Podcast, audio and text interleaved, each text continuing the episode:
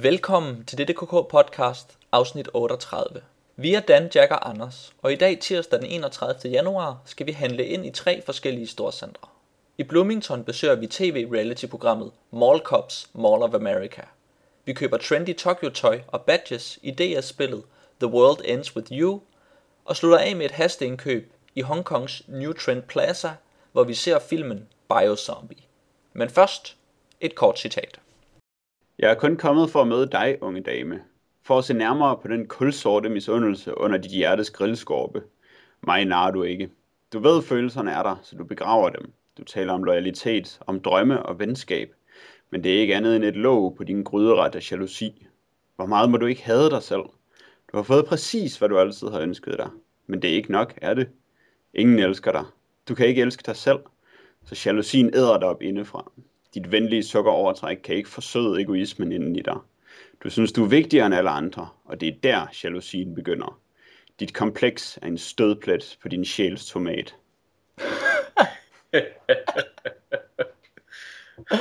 Stødpletten på sjælens tomat. Lige præcis. Jeg er utrolig forvirret lige nu.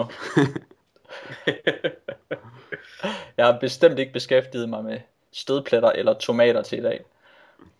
Mm. heller, ikke, heller ikke din sjæls tomat. hmm, jo måske. Nej, øh, hvad... Hvad med din grødret af jalousi? Øh, nej, jeg har mest bare øh, øh, beskæftiget mig med storcenter. Så jeg er, som sagt, meget forvirret. Hmm. Har du noget, Dan? Hvis jeg skulle komme med et bud, så vil jeg nok sige, at det eneste øh, af de emner, vi har talt om til i dag, der er angstig nok til, at den ligesom kunne være relateret. Det er nok uh, The World Ends With You. Det er altså lige præcis det, det kommer fra. det er jo, øh, det kommer selvfølgelig fra dagens dybeste emne, hvilket så ikke siger særlig meget i det her tilfælde. Nej. Nej. I dag bliver jo en rimelig øh, overfladisk gang DDKH podcast.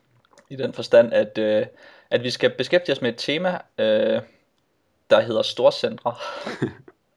yeah. Det ved jeg ikke rigtig, om man kan, men øh, det finder vi ud af. Hvordan har I det sådan generelt med storcentre, inden vi går i gang? Jeg kan godt lide ideen om dem. Mm. Øh, og eftersom alle de ting, som vi har beskæftiget os med i dag, de mest handler om ideen om storcentre, så har det meget været øh, min opfattelse af det. Jeg er ikke særlig vild med at være i dem, tror jeg. Det ved jeg faktisk ikke. Det er længe siden, jeg har prøvet det. Ja. Hvad siger du, Dan? Hvad, hvad var din, øh, din første og bedste storcenteroplevelse?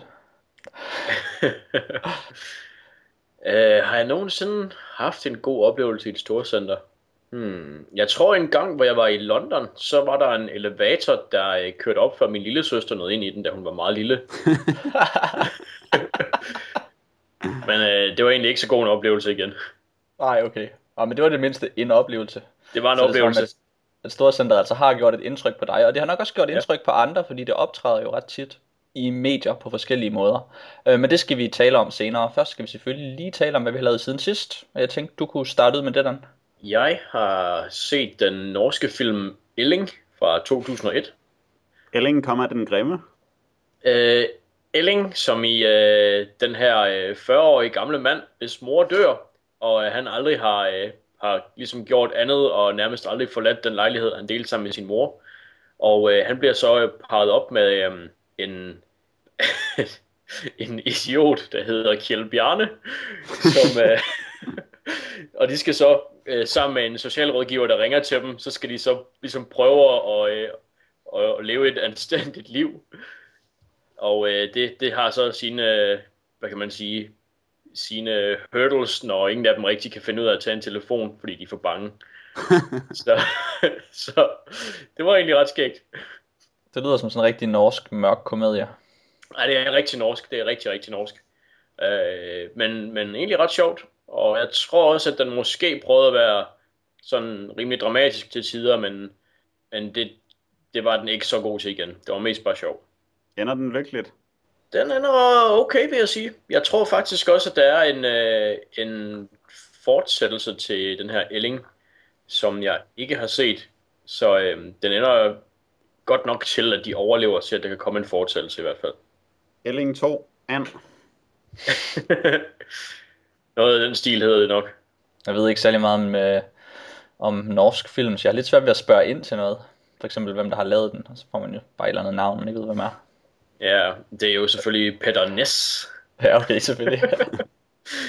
ja, så ja, jeg ved også meget lidt om norsk film, men øhm, øh, hvad hedder det, øh, Elling i hans, efter han bliver sådan lidt mere øh, åben og tør at gå til poetry slams, så ligner han lidt, øh, så ligner han lidt, øh, hvad hedder det, skurken fra The Human Centipede. Åh, oh, fedt. ja, Dieter Laser. ja, ja, lige præcis. Det lyder på mange måder spændende. Nu har du snakket om to norske film, som jeg tænkte lød sådan lidt gode, men som jeg så ikke fik set. Ja, jamen, øhm, måske Ej, skulle hvad du er se der med dig og norske film, Dan? Jeg ved det ikke. De, de dukker bare op i nærheden af mig, så, så ser jeg dem. Ja, det lyder meget usandsynligt, men okay.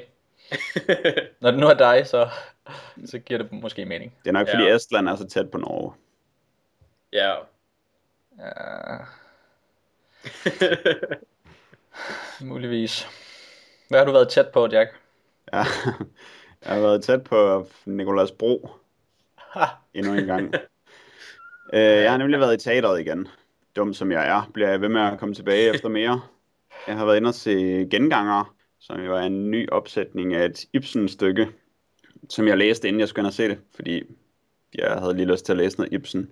Og så var det ret godt, men så tog man ind og se det, og så var det bare sådan noget åndssvagt moderne teater, hvor folk skulle råbe og te sig åndssvagt, og der skulle være sådan noget høj guitar indimellem, som man skulle blive bange for.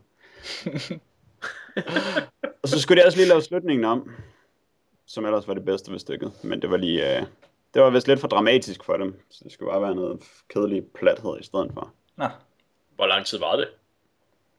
Næsten to timer. og hvor var du henne og se det? Skuespilhuset, det er det kongelige teater, som har sådan et sted, hvor vi blev enige om, at de nok laver skuespil i stedet for teater, og så skal det være sådan noget åndssvagt pjat. Aha, ja, okay. Nu er jeg i hvert fald nede på at have en 25% succesrate med at være der. Det var en skam. Så nu vil jeg aldrig tage derhen mere. Nej, selv hvis de fucker Ibsen op, så er det jo ikke særlig godt. Nej. Det virker som sådan en af de ting, jeg godt gad at beskæftige mig med i forbindelse med teater. Jeg forstår ikke, hvorfor de ikke bare gider at lave teater. Hvorfor de skal lave sådan noget åndssvagt, moderne dans, skråstreg, installationskunst oven i det hele, og forvirre alting, og gør det enormt svært at relatere til noget af det, som foregår. Det lyder Det som kunst med stort K. Ja, Ja, lidt. ja, jeg skulle lige til at sige det, at, at de vil vende samtidig i en skarp satirisk sovs, så vi kan se, hvor danske vi alle sammen er. Hvor forfærdeligt det hele, det hele er. Hvis det bare var så vel. Hvor dårligt vores liv bliver, når der kommer hæslig guitar til det. ja. Ja, så det var irriterende. Øhm, jeg er meget glad for Nicolas Bro ellers, men jeg er lidt træt af, at han bare skal stå og råbe åndssvage ting, uden at der er nogen grund til, at han råber på det kongelige teater. Ja, okay. Så ikke engang det kan nok lokke mig derhen igen. Nå. Jeg er færdig med det.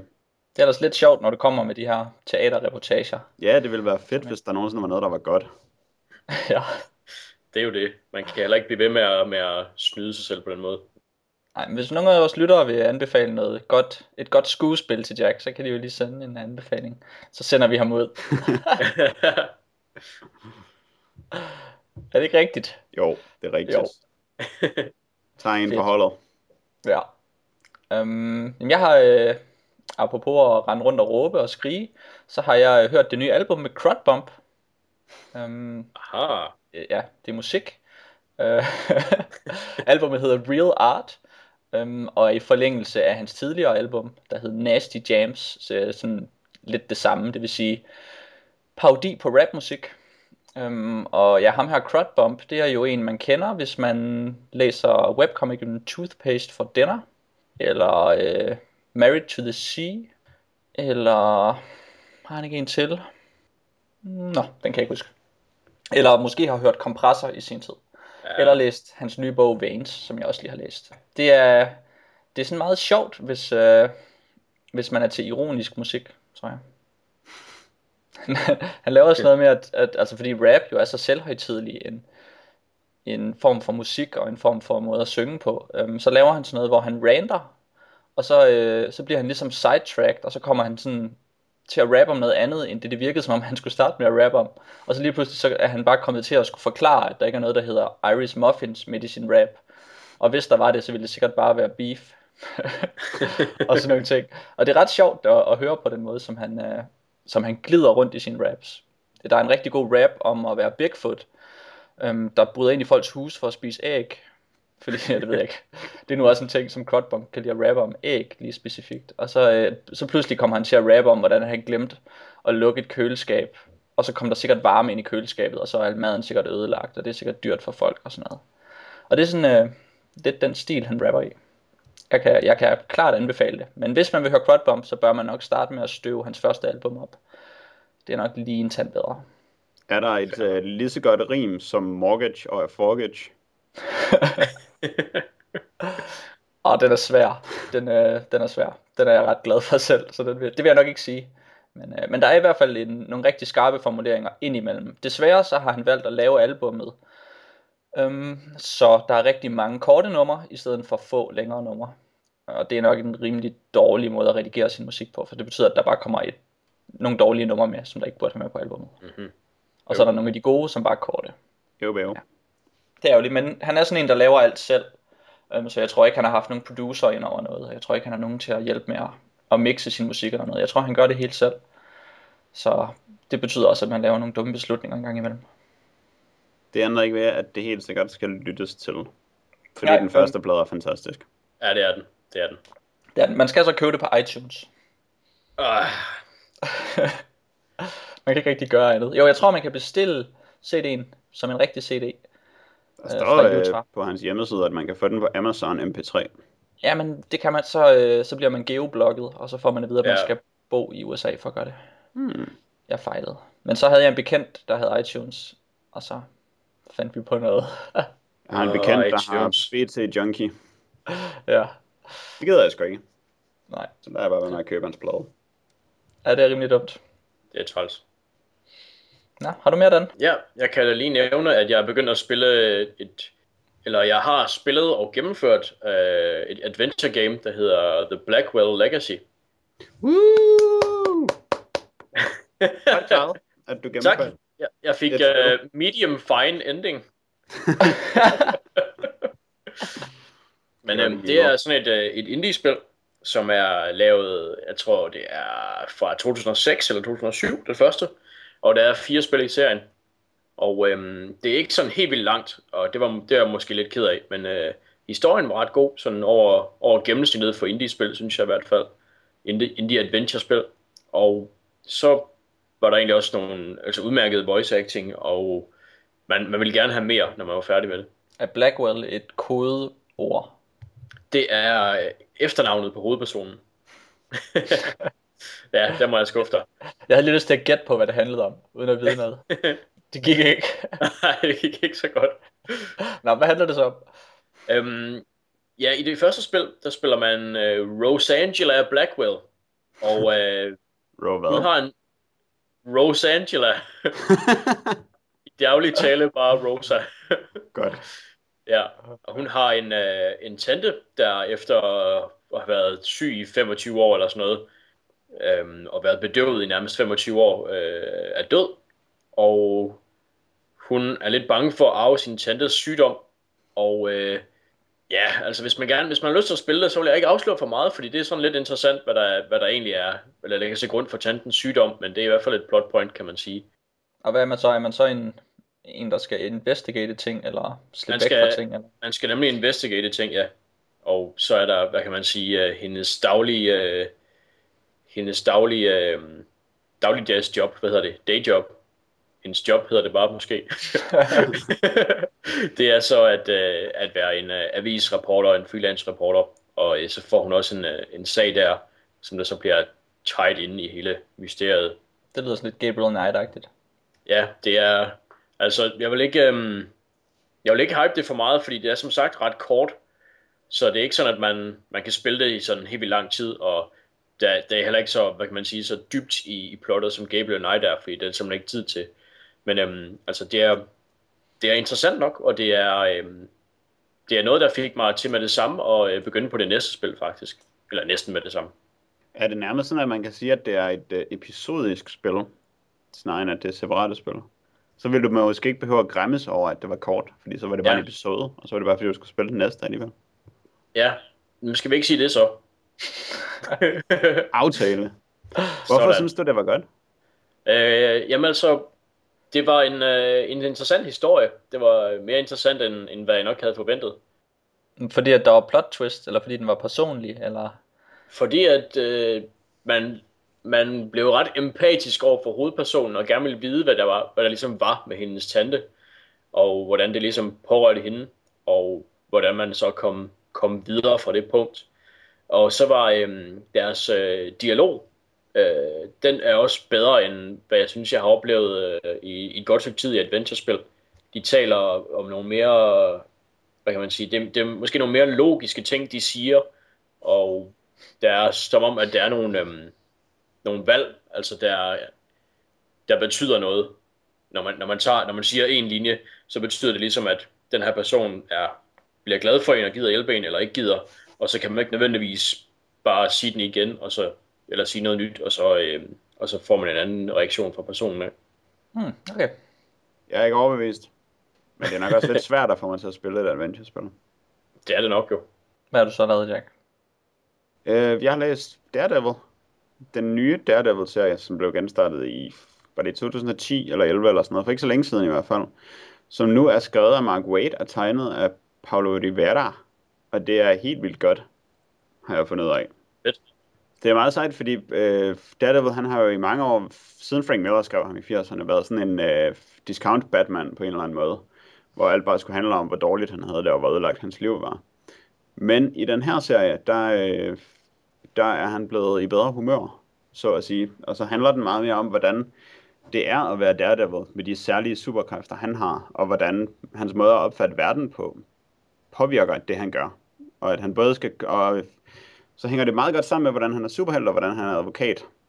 Det er skrevet sammen på en rigtig fin måde. Og så det tegnet utrolig godt. Øh, Paulo Rivera, han minder lidt om sådan en øh, blanding mellem Mike Allred og Paul Pope, blev jeg enig med mig selv om.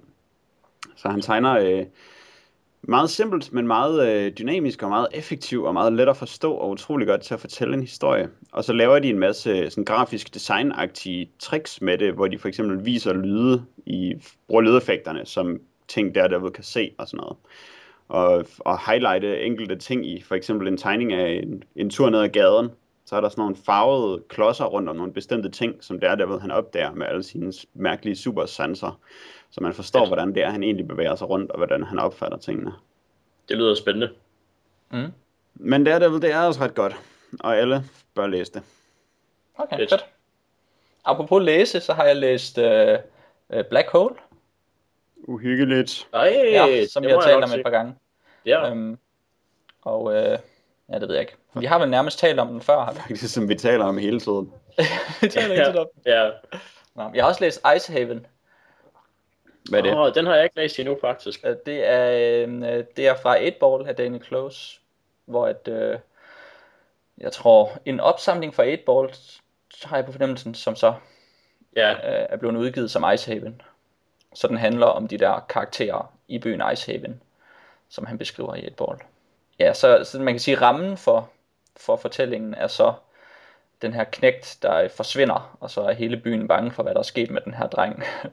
og den her dreng, han er simpelthen så sjov at se på. Jeg tror, det er en af de første, en af de første paneler i, øh, eller en af de første tegneserier, eller hvad man kan sige, sider i tegneserien, der ser man bare den her dreng, som der bare sidder med sin, det er sådan en lidt tyk dreng med sådan noget langt hår, og så har han sådan bitte små ben, og så sidder han bare på gulvet og stener, og sådan, han, han laver bare ikke noget, og så er det de her forældre, der råber til ham, og han bevæger sig bare sådan en lille bitte smule i hver panel, men ikke sådan rigtigt, og han svarer ikke, og man ser ikke forældrene, man ser dem bare sådan tale til ham, uden han gør noget. Og så klipper de fra det, og så ser man ham ikke igen, men så hører man, at han er blevet bortført. så man har bare på ingen måde investeret den følelse i den her knægt, fordi han bare var så snottet i starten, og var så ringe at se på. og så ser man så hans venner, og hvordan de reagerer på det, og sådan, hvordan de her børn, de lyver omkring, de ved, hvor, hvor han er, og de siger selv, de har dræbt ham, men så passer det ikke, og sådan noget. Og der sker alle mulige skøre ting. Og, Og så bliver han fundet. Men det var, jeg synes, det er så fedt, den måde, som han vælger at præsentere den her dreng på, inden han bliver kidnappet. Ja, det kunne jeg virkelig godt lide. sejt. Ja.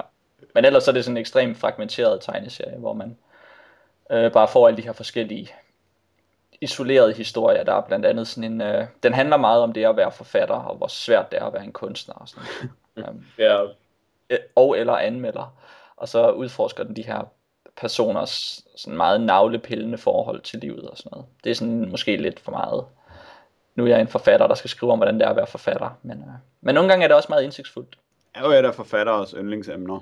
Ja, det må man sige. Det er, ja, det er helt sikkert. Hvad er 8-ball? Hvad er det? En opsamling af forskellige Daniel Close ting? Ja, jeg tror, det er sådan et, øh, et magasin, eller hvad man skal kalde det. Et tidsskrift for tegneserieagtigt, som, øh, som Claus han, øh, han skriver og tegner selv. Um, og deri er der også en, en historie, jeg tror tre af de 8-ball magasiner omhandler en, der hedder David Boring. Ah ja, den har jeg læst. Ja. Den er også opsamlet. Ja. Lige præcis. Um, og øh, det virker, det er meget tydeligt, at Daniel Close ligesom har øh, Ghost World, som han dyrker, og så har han øh, så David Boring, som så blev til, øh, hvad hedder den, Art School Confidentials, og de to historier hænger også meget sammen. Um, ja, okay. Så det, jeg ved ikke, det er som om, han ikke har helt vildt meget at byde på, når man læser hans ting, men uh, det er i hvert fald meget, at det kører i ring for ham. Hvorfor øh, laver han et antologiblad med ting, han selv laver, og så opsamler? Det synes jeg er mærkeligt. Hvorfor laver han ikke Ja. én ting ad gangen? Det er et godt spørgsmål. Ja. Så måske kan han godt lide at lave det samme flere gange, Ja. Ligesom han har gjort med sine film og tegneserier og sådan noget. Hvorfor laver han en masse tegneserier og laver en antologi med sine egne tegneserier, i stedet for bare at lave David Boring og så udgive det, og så lave Icehaven og udgive det? Ja. Det Det kan være, at han måske- sad fast i det her 8-ball-format. Ja. Altså, den startede jo med at komme i slutningen af 80'erne eller sådan noget, så det er jo ret gammelt. Og måske var det bare som man gjorde dengang, Ja. hvis man var en indie comic fyr. Jeg tror, at dengang der var 8-ball var så fedt et navn, at man kunne man var nødt til at bruge det. ja. Nå, det synes jeg er helt vildt skørt, at han gør det. Altså det er Ja. skørt, fordi han selv laver alting i det. Ja. Jeg kunne forstå det, hvis der også var andre, der lavede noget til det. Eller et eller andet. Det der, det er for mærkeligt. Det går ikke. Sig lige til ham, at han skal få gjort noget ved det. Jamen, det kommer heller ikke længere. Okay, godt. så han har hørt dig. Det var også på tide, at han begyndte at lytte til, hvad jeg sagde. Ja. Men, jo, vi skal lytte noget mere til, hvad du har at sige, så. Fordi du har lavet noget mere. Dan har ikke lavet mere. Jeg er synsk i dag. Ja, jeg har spillet Gears of War brætspillet, Åh oh, ja. som er designet af Cory Konietzka, som også har lavet mange andre gode spil. Ham er en stor fan af. Og i det her spil bruger han... Øh, det er et spil om store soldater, der løber rundt i sådan nogle små snævre gange og skyder ormvæsener. Og er baseret på Gears of War computerspillet, selvfølgelig. Hvis man ikke havde gættet det. Og man spiller 1-4 spillere, som er på samme hold mod spillet. Og det gør selvfølgelig, at, øh, at alle taber sammen og vinder sammen. Og det er altid lidt fedt at gøre det på den måde. Og så er det lavet på en meget, øh, med et meget elegant system, hvor man starter hver sin tur med at trække nogle kort, som man både bruger som hitpoints og til at kunne gøre de ting, som står på kortet, og til at kunne gøre sine almindelige handlinger og særlige handlinger, og reagere på, hvad uhyrerne gør i deres del af turen og sådan noget. Øh, og det gør, at det hele det er samlet et sted, og man ikke har særlig meget, man skal holde overblik over. Så man har hele tiden sådan ret godt styr på, hvad der foregår, samtidig med, at det altid er vigtigt, hvilke kort man bruger. Der er aldrig en kort, som man bare skal diskarde, fordi de ikke kan bruges til noget, eller man mangler aldrig lige et bestemt kort, fordi at så kan man gøre lidt noget andet med lidt nogle andre kort. Og hver spillers tur er ret kort, så alle er hele tiden engageret i spillet, og man kan reagere på ting i sine medspillers tur, så alle har det sjovt hele tiden. det lyder meget godt, faktisk. Det er ret godt, tror jeg. Hvordan, øh, er det, altså nu er det jo så baseret på en historie, der hedder Gears of War, som er et Xbox computerspil, som handler om øh, at skyde folk i third person. Hvordan er det blevet integreret i et brætspil? Jamen, det er jo sjovt, fordi ens spilbrikker er jo også third person, ja. og de skyder... Åh, Altså man skal lægge sådan ned, man skal kravle ned på bordet, og så lige lukke det ene øje, og så kigge hen over skulderen på sin lille dukke. Det kunne man vælge at gøre i hvert fald. Ja. Der er dog ikke nogen grund til det. Men altså, det er selvfølgelig blevet turbaseret. Det er nok den store forskel på at spille det på computer. Men jeg ved ikke mm. en pind om Gears of War. Eller hvordan det er at spille, eller hvordan det er, og, øh, eller hvad det handler om. Så. Jeg kan nok Gears ikke hjælpe War- særlig meget. I, I computerspillet, der går man meget i dækning. Er det det samme her? Ja, det gør man også i Okay. okay. Godt, så er Og jeg der er sådan nogle øh, line of sight regler, som er helt vildt nemme og simple, og som man Mhm. aldrig er i tvivl om, hvilket er meget dejligt, fordi det kan jo virkelig ødelægge spillere at have line of sight regler, fordi det er så bøvlet at finde ud af, hvis man ikke gør det godt. Ja, Det var nogle sindssyge skænderier. Nu er man selvfølgelig alle sammen på hold med hinanden, men øh, ja man kan sikkert få sindssyge skænderier alligevel, hvis det ikke er styr på sådan nogle regler. Ja, det det kan man sikkert. Hvordan er det så med at vinde? Hvor meget held og hvor meget øh, skill er der i at vinde over de monstre, som jo i en eller anden forstand er et system, som man er op mod? Jeg tror faktisk, jeg tror ikke, der er øh, så meget held i det egentlig. Det er mest i forhold til, når øh, uhyrerne skal rykke, så trækker man sådan nogle kort, der får dem til at reagere på bestemte måder. Og der kan man være lidt uheldig med, hvordan de lander. Men jeg tror, øh, ja, det, det har jeg faktisk lidt svært ved at svare på. Okay, Det kunne gå begge veje med mine Ja. erfaringer. man skal måske også spille det nogle gange, før man har det overblik. Ja, det tror jeg. Alright. Jamen, skal vi ikke kaste os ud i det første emne? Um, Ja. Og jeg har, det, jeg har det som, det kræver en eller anden form for disclaimer, det her. Fordi at, altså hvis for, for to gange siden, der, øh, der gennemgik vi vores årsopgørelse over, hvad vi havde øh, bedrevet med DDKK podcast i det forrige år. Um, og der, øh, der så vi blandt andet, at vi havde talt rimelig lidt om tv, og hvis vi endelig talte om tv, så var det tv-serier, og aldrig nogle af de andre tv-formater. Um, som for eksempel reality-tv, som vi kun én gang tidligere har beskæftiget os med. og så tænkte vi, det var på tide at, at gøre det, og, og ligesom se på det igen, og måske få det overstået, eller hvad skal jeg sige. Um, så i hvert fald, så, øh, så var det oplagt for os at tale lidt om noget reality-tv. For det fylder jo meget. Um, og det er måske også sjovt at tale om, det finder vi ud af. så vi har set piloten til tv-serien Mall Cops, Mall of America en tv-serie, der øh, er udgivet, eller der udkommer på en kanal, der hedder TCL. Nej, TLC, undskyld. Ved I, hvad det står for? Tender Loving Care. Nej. Prøv igen, I gætter det aldrig. Tenderloin Champs. Det står for The Learning Channel. okay. Uh, og den her, den her tv-kanal, den er altså notorisk kendt for at udelukkende udkomme med reality-bras 24 timer i døgnet. Okay. Men tilbage, jeg tror det er 71, der var den altså en learning channel, øhm, øh, og meget øh, dedikeret til det, øh, den gjorde. Men den her tv-kanal blev så opkøbt af Discovery Network i starten af 90'erne. Øhm, og så den så siden gået med den kanal, som det er gået med hele Discovery-franchisen. Øh, det kan man måske selv stykke sammen. øhm, men den her tv-serie, den handler altså om et, øh, et storcenter i Bloomington i Minnesota. Øhm, måske det største i USA, i hvert fald det andet største i Nordamerika. Øhm, det, det er jeg ikke helt sikker på. øh, der er i alt, øh, jeg tror der er 12 episoder af det originale, men vi har altså så kun set piloten, øhm, som der blev udgivet inden, at øh, selvfølgelig inden at man lavede nogle afsnit, og det var sådan set ikke en pilot, det var bare et selvstændigt standalone øh, tv-program om et mall, og så de her mall cops, der arbejder der, og så senere så, øh, så var det simpelthen så godt, at de var nødt til at lave 12 nye afsnit. Eller også fik de bare tilbudt så mange fede penge af dem, der har det der mall, og så, så lavede de noget mere. Og, og tv-serien handler jo, øh, det er et reality-program, der handler om de her mall cops, som går rundt i det her mall, og så skal de tage sig af ting. Og det gør de så i, øh, i 45 minutter. Øhm, hvad, hvordan var det at se? Var I overrasket?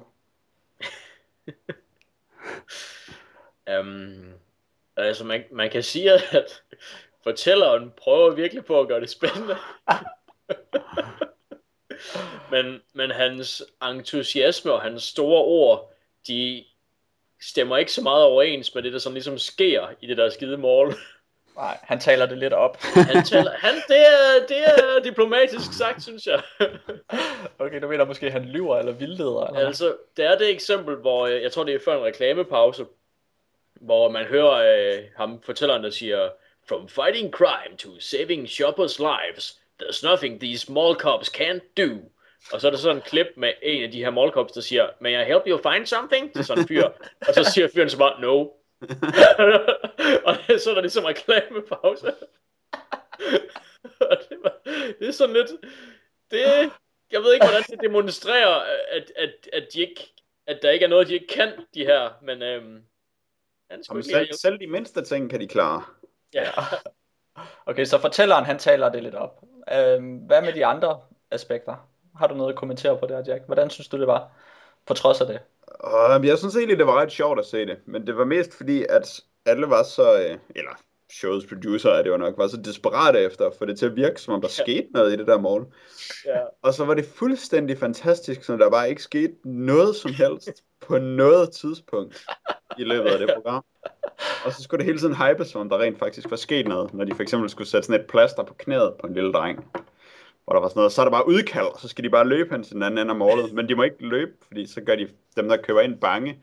Så de går faktisk bare til et andet sted i målet for at finde ud af, hvad der er sket. Og de får aldrig noget at vide om, hvad der foregår, før de når frem og ser, at det bare er en lille dreng, der har slået knæet. Så de kan nå at fortælle sådan en masse historier om, at det måske er nogen, der er på dødens rand og har fået et heart attack og alt muligt fedt. Jamen, Og så skal de have plaster på. det, det er bare de vildeste altså pseudo-hændelser, der er i det program. Det er også, øh, hvad hedder det, det er igen for en reklamepause, hvor de virkelig prøver at beefe det op, fordi jeg tror godt, at de kan mærke, at de, de mister sådan 100 og tusinder for hver gang, der er reklamer. Øhm, men der er på sådan, der, ja, det er så sikkert næste reklame, øh, før næste reklameblok, øhm, hvor, hvor øh, fortæller han så siger, Coming up, getting tough with the rule breakers at the mall. Og så er der så igen sådan en, øhm, sådan en mall cop, der siger, you'll be asked, asked to leave for the day til, til sådan en shopper. Og det er bare ikke så tough, eller så rule breaking, eller noget som helst. Og de kan jo ikke, de kan jo ikke anholde nogen, og de må jo ikke rigtig sådan tilbageholde folk og sådan noget, så vidt jeg ved. Så de kan ikke rigtig gøre noget, udover at bede folk om at forlade målet, altså. Ej, hvis der er nogen, der har gjort noget lovligt, så kommer der en politimand ind fra byen. Mm. Og giver dem en bøde, dem som har gjort noget lovligt. Nå, okay, det er sådan, der, ja. De har også en god, øh, en god teaser for sådan en reklamepause, hvor de fortæller om sådan en mand med en pisk, der går rundt og pisker folk ind i målet. Ja. Og så er det bare sådan en fyr, der er klædt ud som Indiana Jones, der er ved at vise nogle øh, handicappede børn rundt. og han har slet ikke pisket nogen. Uh, ja, det var sådan sindssygt godt. øh, Det, det er så sjovt, når de så møder ham, og så kigger han bare sådan på kameraet, og på ham der er koppen, og så siger han bare, it's just a prop. Altså, og, og han siger det på sådan en super cool måde, og så ja. er der slet ikke noget, altså nu, de der øh, øh, målbetjente, de plejer at være gode til at, at få det sidste ord, øh, og ligesom få forklaret, at det er altså dem, der bestemmer. Øh, men lige i den her scene her, der er det bare ham her, der skærer igennem og får sagt, det her det er altså bare en, jeg går bare rundt med den her pisk for sjov. Ja. Og, det, og så bliver der klippet, og det synes jeg virkede rimelig godt. Fordi hvis Ja. ja. han havde givet dem den mindste smule mulighed for at lave drama, så ville de have konfiskeret pisken og gjort det til sådan en kæmpe nummer, hvordan det kunne have kostet nogen livet, hvis han havde gået rundt med den der pisk. Helt ja. sikkert. Hvis han havde gået og pisket de handicappede børn eller et eller andet. Jeg sidder her med sådan, jeg har siddet, noteret alle de ting, der sker. Ja, Øhm, det og, jeg tænkte på, hvor, ret let. ja.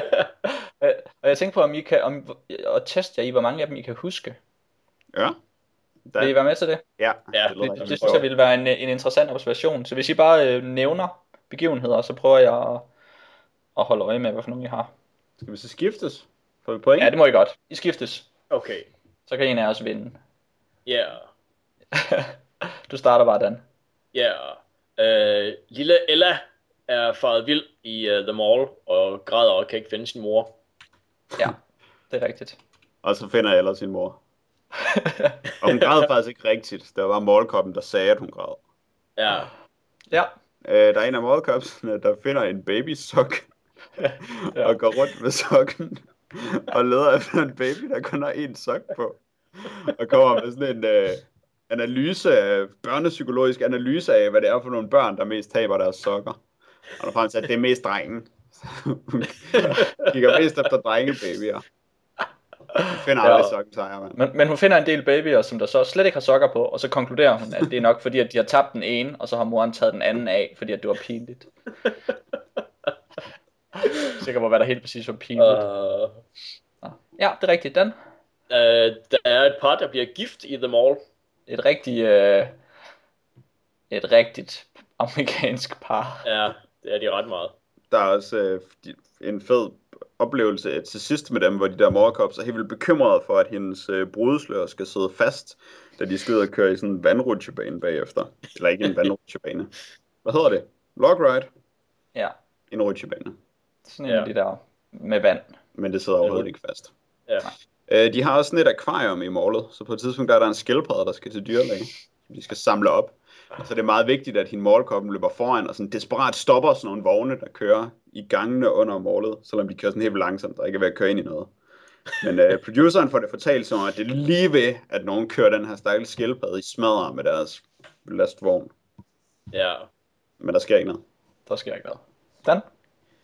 Øhm, ja, der sker heller ikke rigtig noget, hvor der er sådan en gut, der har sådan en isforretning, der har glemt at forny sit, uh, sit mall-ID. Uh, han bliver så bedt om at, at forlade centret og få det gjort. Mm, det er rigtigt. Det er måske en af de sådan bedste personlige historier, der er. Ja, det er næsten det, er næsten det vildeste på en eller anden ja. måde, fordi han er sådan lidt irriteret over det, fordi at han, han så åbenbart mister en del is, fordi at han, han kan ikke blive der en halv time længere for at hente sin is. Han skal gå nu, og så, så går han så. Og så får man så at vide, at han gjorde også det samme for tre måneder siden. Og kan du huske, hvad det er, han siger, da han er nede ved toget og brokker sig over Rønsfæt der? Nej, det kan jeg ikke huske. Okay, det er ret fedt, fordi han, så går han og rander, og så fortæller han sådan noget om, at han har jo bare glemt sit kort. It's not like I'm gonna do any terroristic actions. Nå ja, det er rigtigt. Det er rigtigt, ja. Det var så fedt. ja. Terroristic thing, tror jeg faktisk, han siger. ja, det tror jeg Han også. virker lidt, uh, han virker lidt stoned egentlig. ja. Actions er lidt for velformuleret for ham. ja. ja. Uh, terroristic. Øh, der er jo måske også den, den, den begivenhed, der involverer flest mennesker. Øh, Amy, nej, Demi Lovato, som vi nok alle sammen kender. kommer til Kæmpe centret. superstjerne. Det fylder meget. Den skærer vi bare over en kamp. Der sker alle mulige forbindelser med hende Ja. ja. Demi, men vi tager den bare som en. Ja, Fordi der sker alligevel ikke noget. der står og græder. Ja. Ej, hende var jeg ret sur på egentlig. Som græder virkelig meget og virkelig ynkeligt. Ja, og så har hun selvfølgelig sådan en pinlig mor, som Ja, bliver helt vildt sur over, værre. Ja, at, at hendes datter ikke kan få lov til at se Demi Lovato. ja, Og så brokker hun sig indtil hun får ret. det er fantastisk. Der er også en, øh, en anden kvinde, som øh, ringer til dem, fordi der er en, der er blevet væk fra hende. Men det er så hendes mand, som er 38 år gammel, som er blevet væk, og som hun skal have dem til at finde. Men så når de ikke at finde ham, fordi han bare kører i rutsjebanen lige ved siden af, hvor hun står.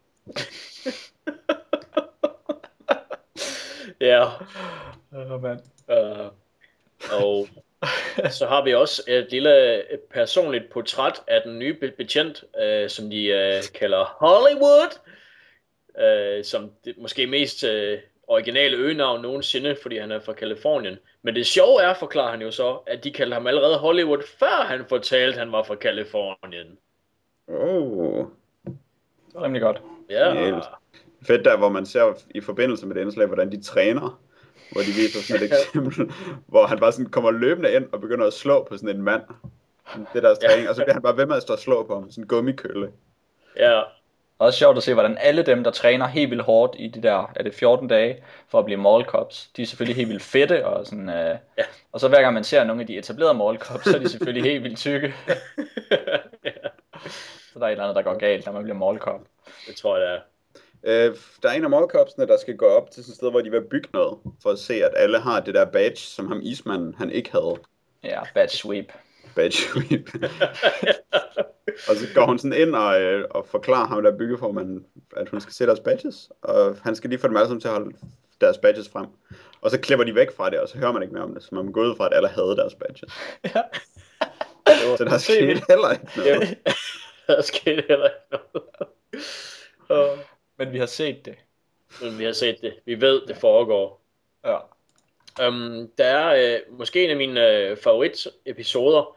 Der er sådan en ældre kvinde, der er med, med ansigtet blurred out, der sådan, står i sådan en døråbning og råber, Damn you! øh, Ja. indtil, øh, indtil der kommer sådan en borger og transporterer hende væk. Ja, det er hende, der er besat. Det var det eneste, Ja. ja. der var fedt. Screaming profanities and muscle spasms. Det Ja. lyder som en djævlebesættelse for mig. ja. Og det, og det er sådan, det vildeste hun råber, det er vitterligt damn you, eller det er i hvert fald det vildeste, de har, de har taget med i afsnittet der. Ja. Og hvis der var noget vildere, havde de nok taget det med. Det skulle man næsten tro. Ja, I mere? Der er sådan en fyr, der får det dårligt på et tidspunkt. Så skal alle målkorpsene løbe hen til ham og snakke med ham. Og så har han kastet blod op, men har det okay nu. Men de skal alligevel have ringet efter en ambulance og køre ham væk. Ja, og du var også rimelig sikker på, at det var et hjertestop på vej derhen. Sandsynligvis var det. Ja. Og det var, de har nok lige reddet hans liv. Ja. Formoder de også. Ah ja, og der tilføjer de så, øh, efter bare ambulancen kører, tilføjer de så, at de tit så ved de ikke, hvad der sker sidenhen. Så det er bare sådan en, den hænger bare der som sådan en halv historie, og der er bare ikke noget, de kan gøre ved det. Det er bare så ikke afsluttet, det er bare ikke i orden overhovedet. Og det er ikke fordi, der er en producer, der har fulgt op på det. Der er ikke nogen, altså, der er ingen, de bare, okay, godt nok. De går bare ud fra, at de nok reddede ham der, altså liv i hvert fald 80 gange på, den, på de der 5 minutter der. ja. Det er fedt.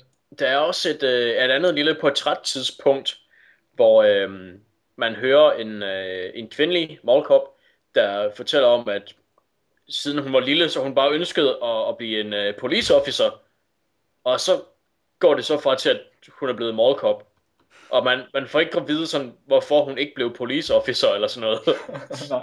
men, øh, men det er hende, der, der laver badge sweeps. Ja, det er sådan et portræt om, hvor øh, hun, hun fortæller om, hvordan hun var overvægtig. Nå ja, det er rigtigt, ja. At hun var tyk, og så fik hun sådan en gastric bypass, og så er hun tynd og en målkop. Ja. Awesome. ja. Så, Fist bumps til alle. ja, Nå, Jack? Der er en dame, der ikke kan finde sin bil, Ja. og så leder de efter den, og så holder den lige udenfor. Så kører hun hjem. Den var faktisk ret fed. Er det ved at være svært nu, Dan? ja, altså, mine noter så er jeg skrevet, I har ingen problemer. um, Er det så en jeg begivenhed? tror ikke, Hmm. nej, jeg tror ikke, jeg tror ikke, jeg har øh, noteret flere begivenheder. Øh, det der, hvor hunden kan regne, er det en begivenhed? Ja, Nå, det ja, er det. Portrættet af Chucker Bronco. det er rigtigt, ja. De to fede bombehunde, fordi man går jo hele tiden rundt med bombehunde. ja. Der skal være mindst to bombehunde i et stort center i USA. Det er fedt. Har du mere, Jack? Nej, det tror jeg ikke. Okay, der var en uh, butikstyv i starten, som faktisk også måske lidt var en rigtig historie, hvor der var en, uh, en kvinde, som man ved ikke, hvad hun havde stjålet, og man fik ikke noget at vide omkring det, og man hørte ikke så meget om det. Hun sagde, det var en kjole, så hun lige stoppede ned i tasken. Det er rigtigt, ja. Og så er der selvfølgelig uh, Stormen, Nå, det store, det store stormplot, som de starter med at introducere, hvor at vi skal være bange for en storm. Måske den værste, årets værste storm, der kommer og smadrer det hele. Men øh, hele afsnittet igennem, hvor de render rundt inde i, øh, ja, i, i, de, i de arealer af målet, hvor der kun er glas over dem, så er der dejlig solskin, der falder ned. Øhm, og aldrig noget, der minder om dårligt vejr. ja. Jeg tror ikke, de får filmet en eneste regndråbe. Der er på et tidspunkt, der er ham der lederen, at man går sådan op på taget og står og skuer bekymret ud på nogle skyer. Og man kan jo, at det blæser ikke engang. Hans tøj, det rører sig. Ja, ja. det er rigtigt. Så der skete ikke noget. Så er der en, en scene, hvor øh, to af kopsene er nede og flirte med nogle, øh, med, nogle andre medarbejdere. Det er rigtigt. Ja, det er rigtigt. Ja, det er Hollywood, der er nede og flirte. Ja. Ja. Movie star. Ja. Lige præcis. Så er der en, øh, et sted, hvor et, øh, en af vores mallcops, jeg tror det er hende, øh, der gerne vil være politibetjent, hun er henne og fortælle en mand, at han ikke må vaske vinduer, fordi klokken er mere end 9. Oh, ja, ja, det er også rigtigt. Det er rigtigt. Og så, og, så- og så er der også et eller andet trafikkaos, de taler om, men som vi aldrig ser. Og det er faktisk det. Ja. Så, så kan alle ligesom være opdateret i, hvad der sker i, i mallcops. Det er rimelig chokerende. Og vi kan vide, at man nok ikke kunne have valgt noget mere ligegyldigt at beskæftige sig med end Mallcops. Nej, jeg tænker måske, at der er en eller anden automatisk fascination i og med, at de har uniformer på. Så, så, det, går, så, så er det måske bedre tv, end hvis det var... Det ved jeg ikke. Nej, det er måske lige meget. Nej. Jeg, jeg, jeg, tror helt sikkert, jeg tror helt sikkert, at nogen har tænkt, at fordi cops er, er real og har, gu, og har guns, så mall cops, det er næsten lige så godt. Det kan vi garanteret også komme fløden på. Men Ja. ja. det, kunne man, det kunne man så ikke rigtigt. Men altså, Nej, det på en tror jeg eller anden måde kunne de vel, når de nu besluttede sig for at lave 12 afsnit mere af det. Det må vel have betydet, at der var penge i det på en eller anden måde. Ja, men der er jo også mallpenge. Ja, ja. Men det, altså, det er der også penge. De, Ja. Jeg tror, at mall har flere penge end en øh, lokal politistation Sandsynligvis. til at få, øh, få produceret et tv. Ja. Co-produceret det. Nå, men hvad, hvad, hvad synes I så om de her mallcops? Øhm, kunne vi identificere jer med nogle af de folk, som I mødte? Sådan, hvis vi nu sådan godt kan afskrive, at der ikke var noget reelt drama, drama i det her. Der var måske øh, nogle andre ting, som man så kunne se på. Identificerede I jer med deres hverdag? Nej. Hvad siger du, Dan? Ikke det mindste.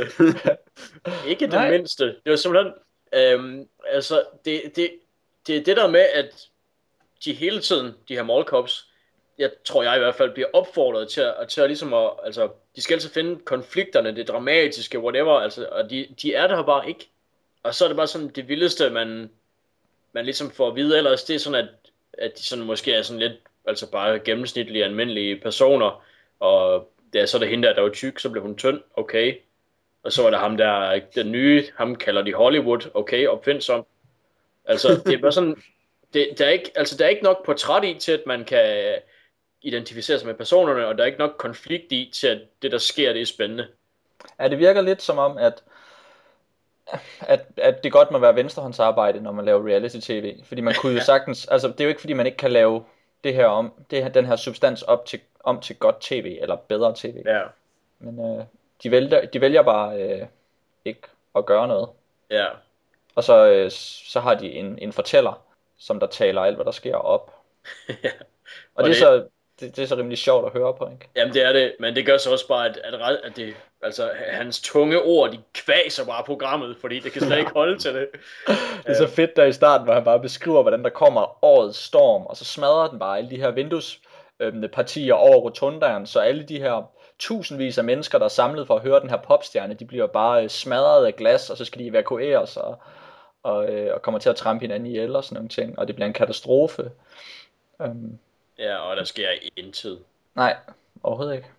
Nej, hvad siger du? Ja, jeg skal bare lige til at sige, at det minder om den der, øhm, jeg mener det er sådan en australsk politiserie, øh, altså ikke reality-tv, men sådan en, øhm, hvad hedder det, ja, en fiktionsserie, som sådan en åndssvag cykelpatrulje, hvor øh, forbryderne, de altid, altid sådan, allerhøjst, så har de en scooter eller sådan noget, så cykelpatruljen, de kan fange dem.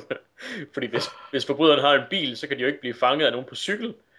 Og det er sådan lidt cirka det samme sådan åndssvage problemer, der er her, fordi hvad, hvad kan en målkop lige? Han, han, kan, han kan hjælpe et barn med at finde sin mor. Han kan bede en fyr om at gå, fordi han ikke har ID. Altså, de kan bare ikke, de kan bare ikke nogen ting, der, der er konflikter overhovedet.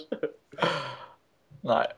Altså, det virker, det virker jo som om, at hvis det blev nødvendigt, så ville du, de kunne slå helt vildt med en køl. Ja, mm. det er rigtigt. Hvad, hvad skulle de have gjort, før det her det blev godt? Jeg tror, de skal have prøvet at få det til at handle om noget helt andet. Ja. For det til at handle om de der målkops og deres liv på en eller anden måde. I stedet for at lade som om, at der skete en masse spændende i det her mål. En masse dramatisk, som man skulle have mere at gøre. Så skal jeg gå efter uh, Human Interest-historien. Det tror jeg næsten også. Det er mit professionelle råd til dem. De prøver ja. også hele tiden at putte en masse store tal ind, alle de steder, hvor de kan komme til det. Ja, det er virkelig det er ret fedt. Øh, der er for eksempel 3.000 børn hver år, som bliver reunited. Ja, og det, og det, det husker jeg, det siger de i, uh, i sammenhæng med, um, med hende her, den lille pige Ella, der er blevet væk.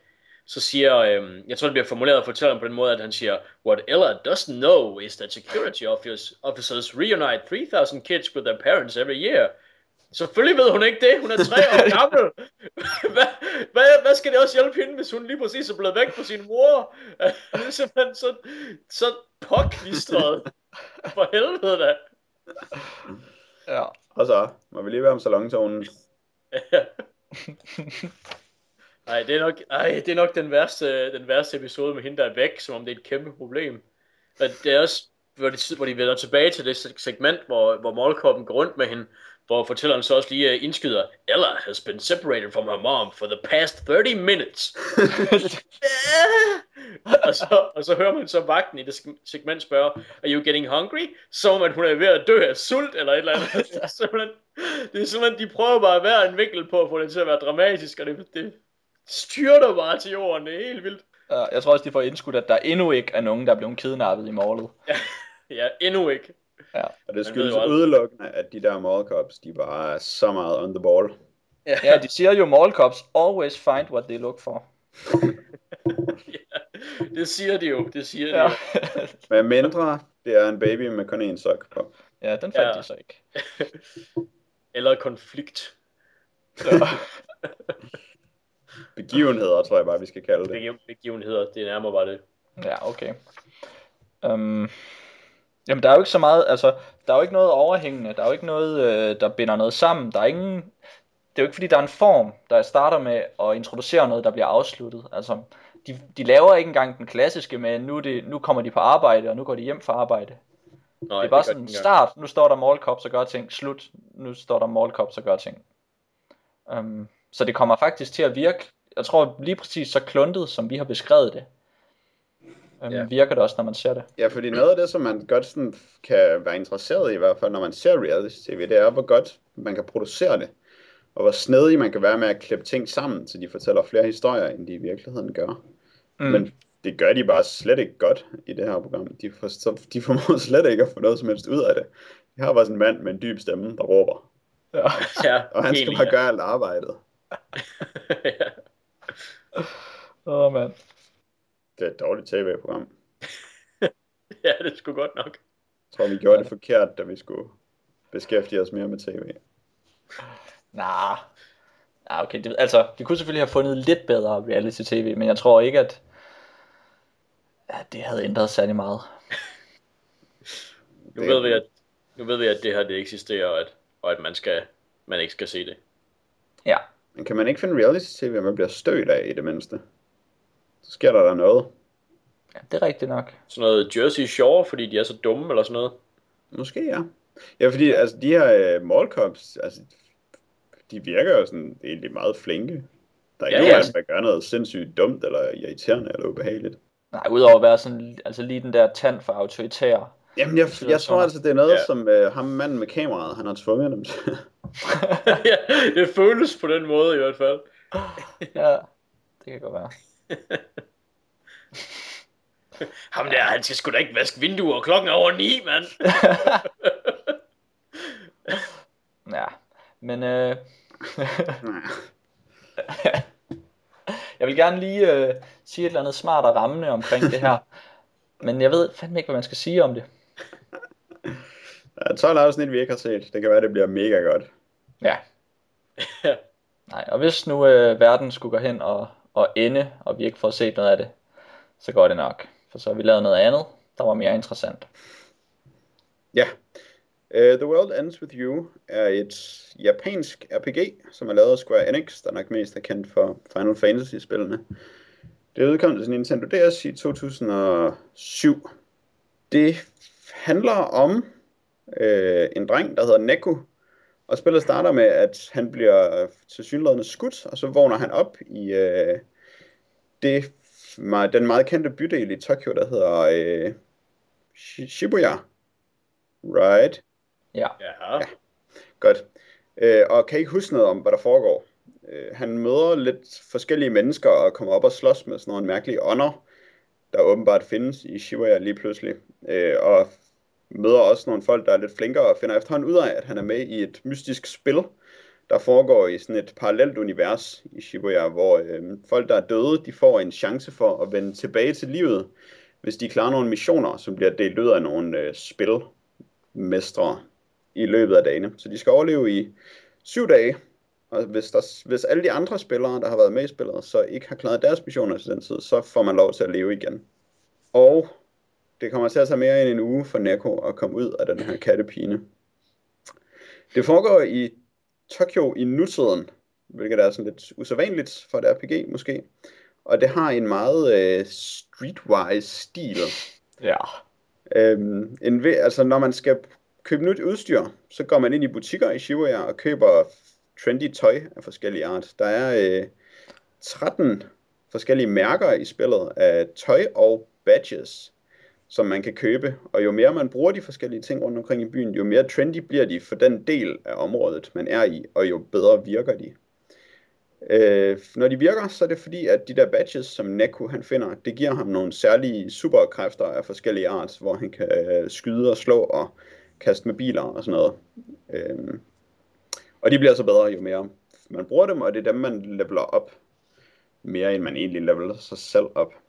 Øh, man, når man skal slås med ting, så gør man det på en, man kan kalde det mærkelig eller visionær måde, hvor man jo øh, har to skærme på Nintendo DS, hvor den nederste, der kan man øh, trykke på med en lille pen, og den styrer man Neko ned på, hvor øh, han så for eksempel skal tegne en streg ned over uhyrene, eller trykke på dem helt vildt hurtigt, øh, og forskellige andre bevægelser, og så bruger han så de her forskellige kræfter, og på den øverste skærm er ens kammerat, som slås med de samme uhyre. Øh, man har forskellige andre minigames, som mest handler om at skulle trykke sig igennem nogle træer, for at nå hen til et symbol for enden af dem. Og hvis man så sætter de rigtige symboler sammen, så får man en bonus og bliver bedre til at slås.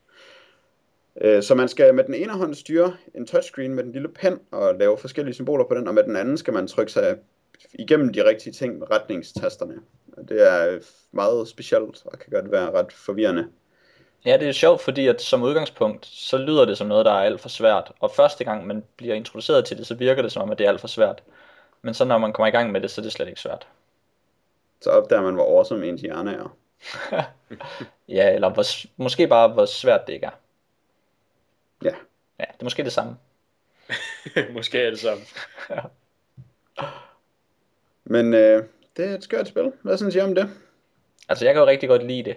Um, det har noget... Øh, en, anden, en anden ting, der overrasker en, udover at det ikke er så svært, som man tror, det er, at man øh, også bliver ret glad for den, øh, den lydside, der er i spillet.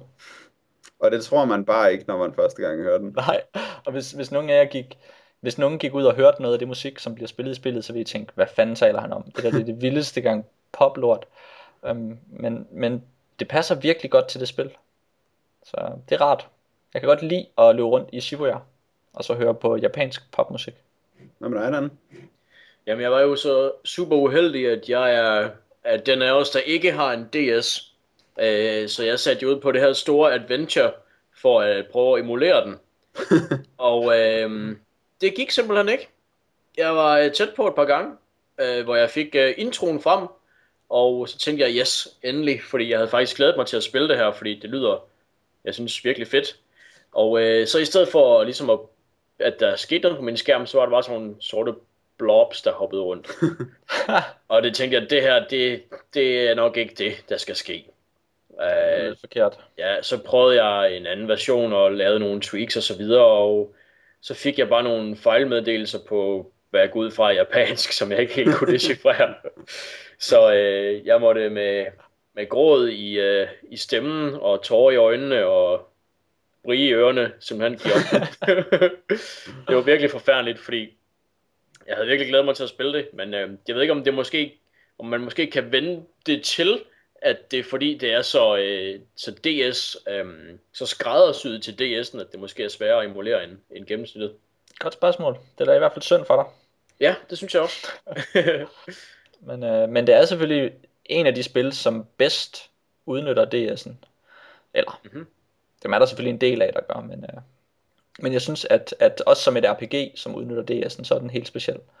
Jeg synes virkelig, at man får en komplet DS-oplevelse, og også en meget japansk oplevelse, som jo er en del af DS'en. Um, nogle gange så prøver sådan nogle konsoller at være så internationale, og så, ja, kosmopolitiske og kulturløse, men det er nu fedt, når man får noget, der virkelig bare er japansk på den måde. Ja. Godt eksempel på, hvordan spil de mere burde øh, gøre deres egen ting, i stedet for at prøve at passe ind i noget. Mm. Og det er jo smart, når man laver spil til det, også, fordi det er altså forholdsvis billigt at lave spil til det. Så kan man få en rigtig skør idé. Så kan man for eksempel lave det her. Og det er jo, det er jo virkelig et veldesignet spil. Du snakkede om, at musikken passede utrolig godt sammen med resten af spillet, men alting i spillet passer sammen på sådan en meget speciel måde, hvor man ikke helt sådan kan forstå elementerne hver for sig.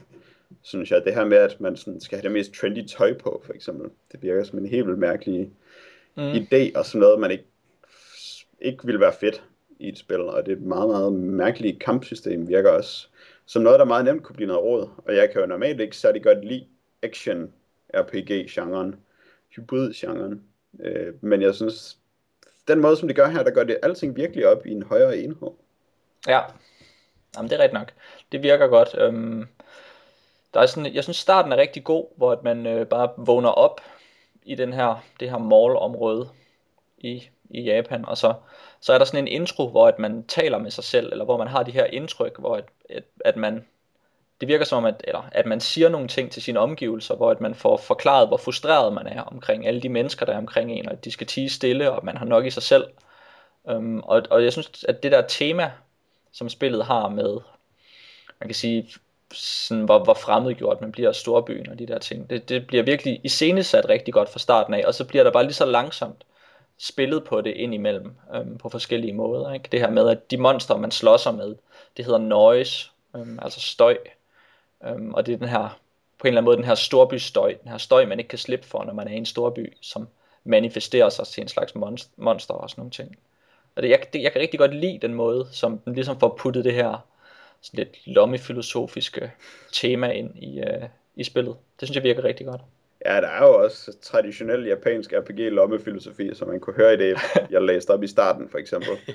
hvor alle figurerne selvfølgelig skal stå og se enormt emo ud og tænke over deres følelser og komplekser og være ude af stand til at opnå en forbindelse med andre mennesker, før man har fået XP nok til, at de når til der i historien.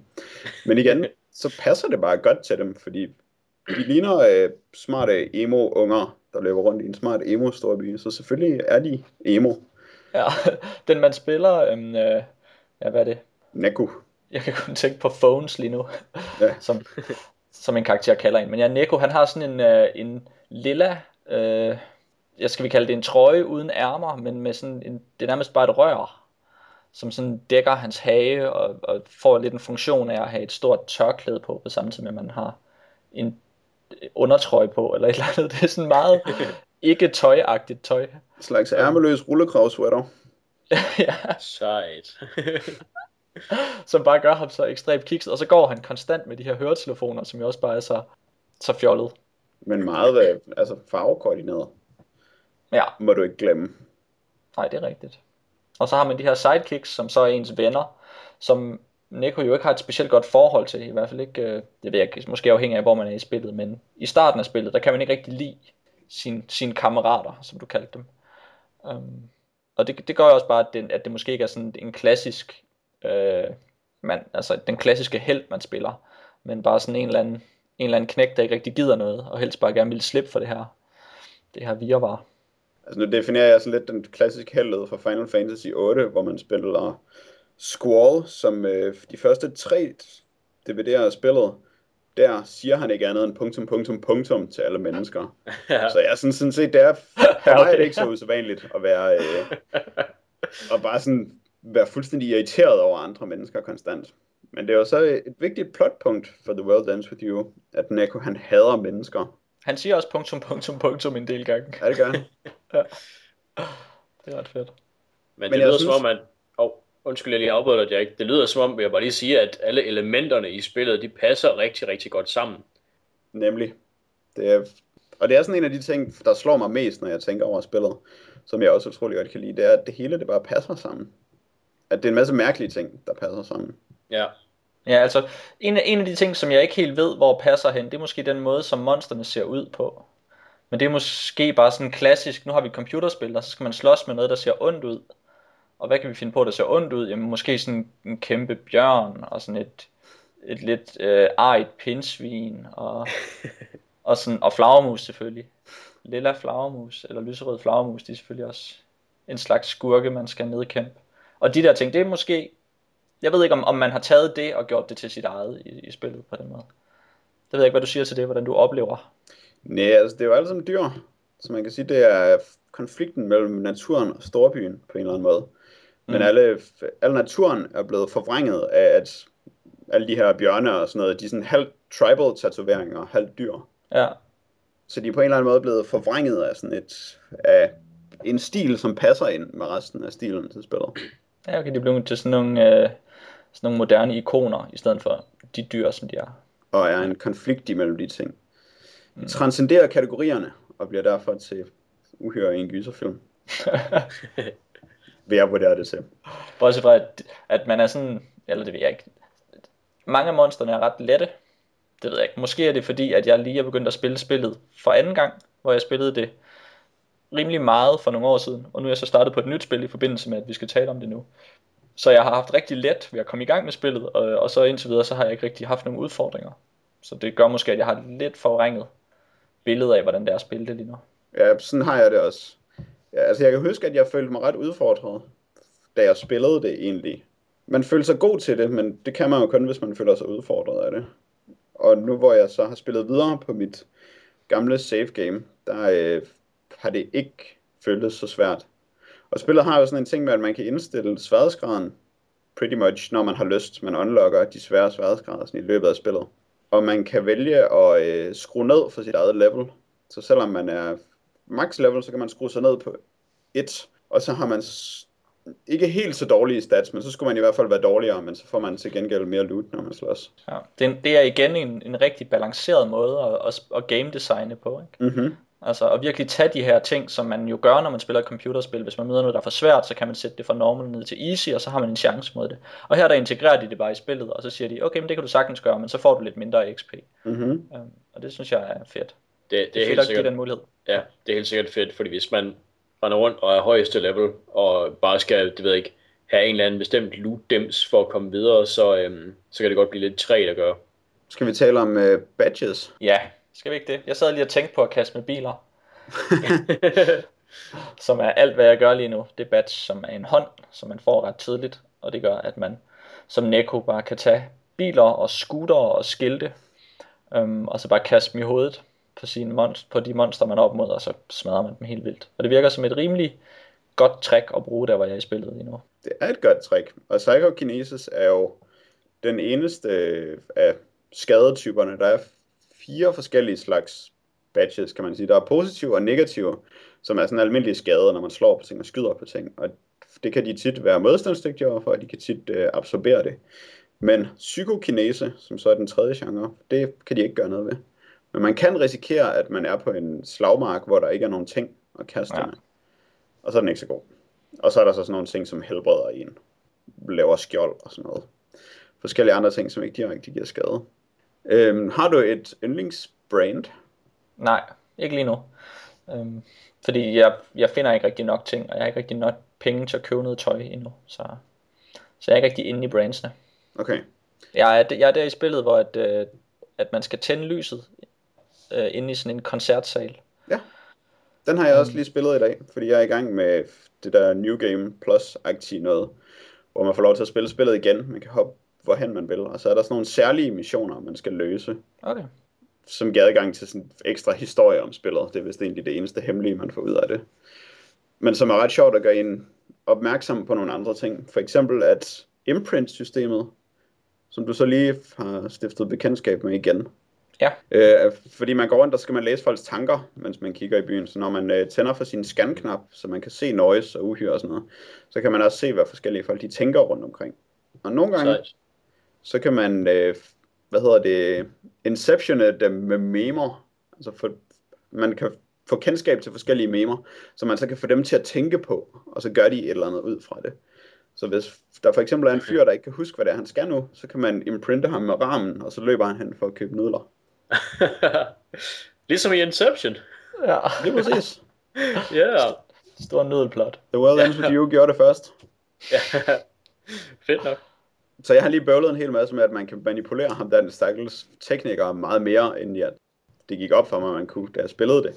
Okay. Hvor man jo bare skulle have ham til at købe en sikring i første omgang, og det var sådan set nemt nok, fordi man bare skulle inceptione ham med Fuse. Ja. Så løb han hen og købte den. Men så kunne man også lære sådan nogle andre ord, som øh, der er en på gaden, der står og tænker på cough drops. Og det kan så blive et meme, man kan huske, så man kan få ham til at løbe hen og købe, og så kan han løbe hen og købe ramen og sådan noget. Så kan han løbe en lang tur, og så ender det med, at man får noget tøj af rammen, Ja. man, hvis man får ham til at hoppe igennem en masse hoops. Og der er også en, øh, en sej scene der, inden at man skal ind, inden nudelbutikken, så er der så en normal butik, hvor man kan købe ting. Og første gang man er derinde, så gider han ikke sælge noget til en, og så er han bare mega næsvis. og så gør han bare grin med, at man er den forkerte generation, og man forstår slet ikke, hvor seje alle de her fede ting, han har, er. og, så, så, og det er sådan, der er det, bare de her fire ting, man kan købe fra ham, og lige meget hvad han vælger, eller hver gang man vælger noget, så kommer han bare med en, fors- en ny forklaring omkring, hvorfor man ikke skal have lov til at købe det her, fordi man ikke er sej nok. Um, og det er virkelig, øh, jeg synes, dialogen er godt skrevet, og så kan jeg godt lide den måde, som den dukker op på, med de her, er de her talebobler, der dukker op, um, og skubber, ja, skubber op, hver gang der kommer en ny taleboble. Jeg synes, den måde, som det giver en en fornemmelse af dialog på, og, og hvordan at tanker og tale kommer, til, kommer i spil på samme tid, det synes jeg er rigtig fedt. Meget bedre end den klassiske Square Enix kasse, som bare har tekst. Ja, det kan man godt blive lidt træt af. Ja, Og igen en måde, som bare passer rigtig godt sammen med resten af spillets stil. Ja. Og ja, jeg synes faktisk også, at dialogerne de er ret godt skrevet, og det er derfor, man ikke bliver så... Øh... Altså, alle løber rundt og er emo hele tiden, og sådan er det ligesom bare. Men det accepterer man, fordi det passer ind, og så synes jeg, at det er godt fortalt. Altså, der er nogle, noget humor i det indimellem, og noget... Øh... Jeg ved ikke, om man kan kalde det menneskeligt drama, eller sådan noget, som gør, at, at det alligevel er lidt interessant at høre det, folk taler om og som kan give en lyst til at sidde og transkribere hele den dialog, som en af spilmesterne har om, hvordan en af karaktererne er for selvisk, og hendes sjæl er en tomat. Ja. ja, jeg synes, det er virkelig, det er virkelig sejt. det synes jeg var en sjov dialog, og det kommer jeg tit til sådan at sidde smågrine af. Man møder ham der spil, er han også en af spilmesterne, ham som, øh, som har en café, ham den smarte? Han er Han er ja. produceren. Nej, det er rigtigt, ja. Som der bare dukker op, og så begynder han bare at tale om, hvor hip han selv er. og så kommer han med sådan en salgstale om, hvad hans yndlingsord er, og sådan noget whirlpool eller et eller andet. og, og så taler han bare om, at han er hip, og han har en café. Og, hvad hans stjernetegn er, og hvad hans livret er. Ja. Når de så lige har stoppet ham, da han skal til at gå i gang med sine personlige mål. Ja. det er meget uh, målagtigt på en eller anden måde. Ja, og meget uh, japansk anime karakter. Også det. Ja. ja, de er meget levende. Også uh, selvom det sådan er lavet med bare, hvad skal man sige, en papirdukke af dem, som står og holder taleboblerne. Og så skifter de ind imellem til en anden papirdukke, hvor de for eksempel står og skriger eller sådan noget. Så, øh, så er det virkelig flot lavet. Og det er jo Tetsuya Nomura, som har lavet øh, designet af spillet, eller hvad hedder det, det visuelle design. Og ham har jeg altid været sådan lidt sur på, fordi jeg giver ham skylden for Final Fantasy X2. Oh. Sådan lidt uretfærdigt, men altså det er lidt... Øh, han har stået for meget af karakterdesignet for Square Enix i de sidste mange år, og er grunden til, at de ser så utræret og tokyo og har kjoler, der kun er lavet af bælter på og sådan noget. så ja. nogle gange har jeg været sur på ham, men øh, siden The World Ends With You, så har jeg kun været begejstret for ham. Ja, det er godt. Um, skal vi have en, øh, en sidste kommentar, og så synes jeg, vi skal springe videre? Fra mig? Fra dig.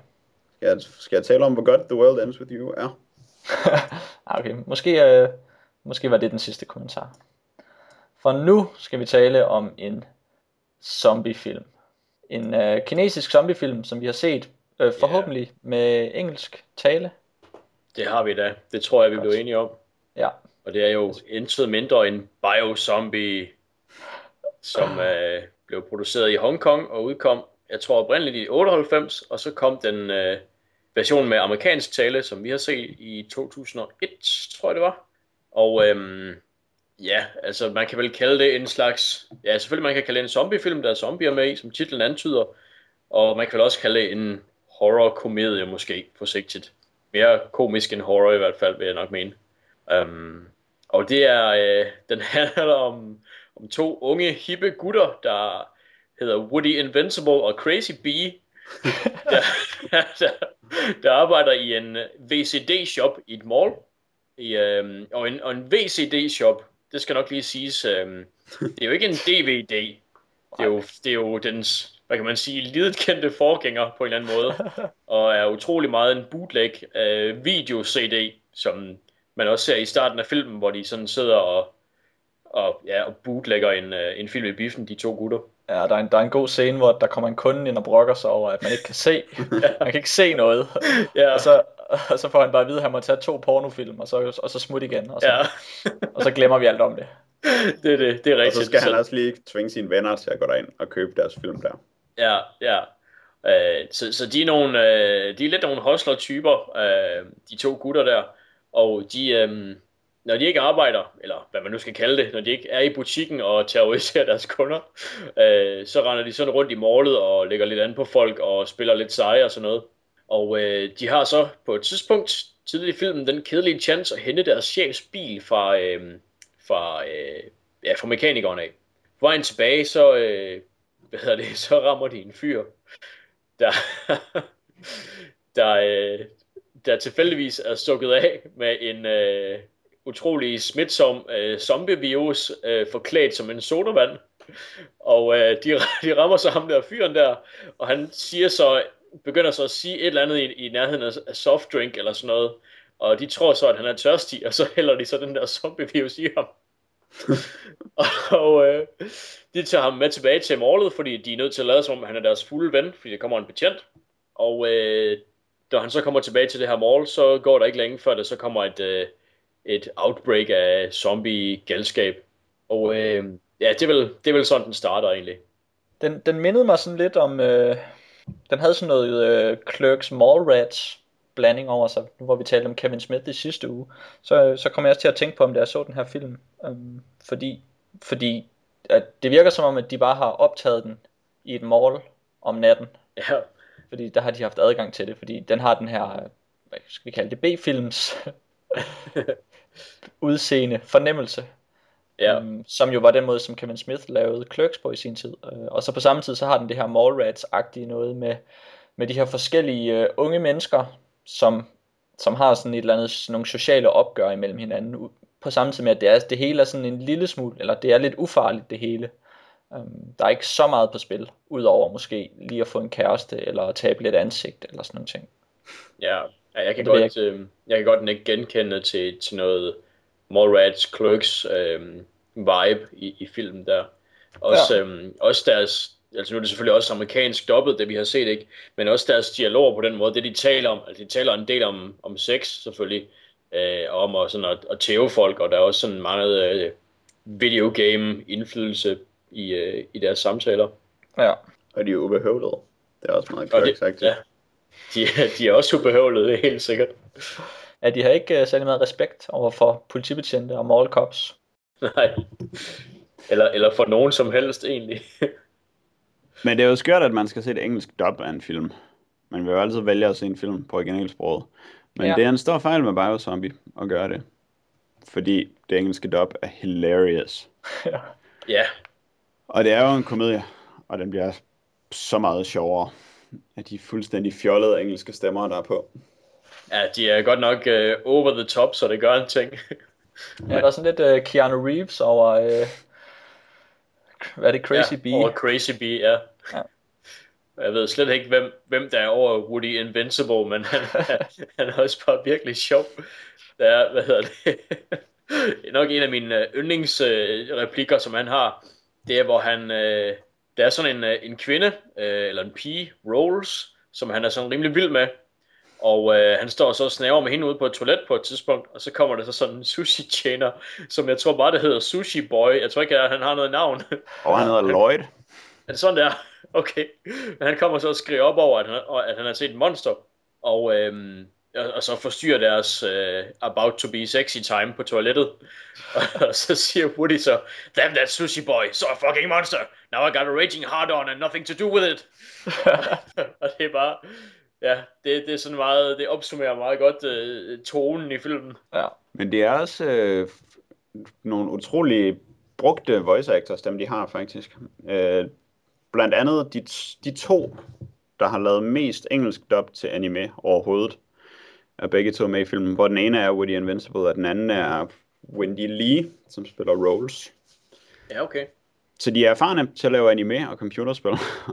og det kan man måske godt lidt høre i filmen, fordi Ja, ja. det er spøjst at se noget være så overgearet. Øh, og det ville det måske ikke have været, hvis det var en tegnefilm. Det er rigtigt. Jeg, jeg synes også, jeg fik øhm, sådan en cartoony vibe fra, fra stemmerne, og øh, også fra, øh, ja altså, den har jo, den er meget inspireret også af, af computerspilfilmen, og de har også deres, hvad kan man sige, deres, øhm, deres lidt specielle look hver især, hver person. Hvad tænker du på? Øhm, jamen altså, der er øh, Woody for eksempel, der ligner sådan en, ja, jeg ved ikke, hvad han ligner. han ligner sådan en eller anden, sådan en eller anden lidt for modesmart jog eller et eller andet, der er sådan med, med en eller anden sådan ungdomskant. Og så Ja. Crazy Bee, han ligner sådan en, sådan en surfer, stoner, gamer type. Og det var sådan, det ved jeg ikke, det er, jeg, jeg, jeg falder med det samme for dem, fordi de ligner sådan nogen, der selv synes, de er seje, men egentlig ikke er det. Jamen, det er faktisk rigtigt nok. Ja. Men de Ja, ja. tror så meget på det selv, at man ikke helt kan lade være med at blive, Ja. øh, blive lidt indtaget af det. Jeg synes Ja. især Crazy Bee, han, han bliver så utrolig sympatisk i nogle af de scener, hvor han er allermest idiotisk. Som for eksempel den, hvor han afslører, at han har en kæmpe kniv i den ene sko. ja.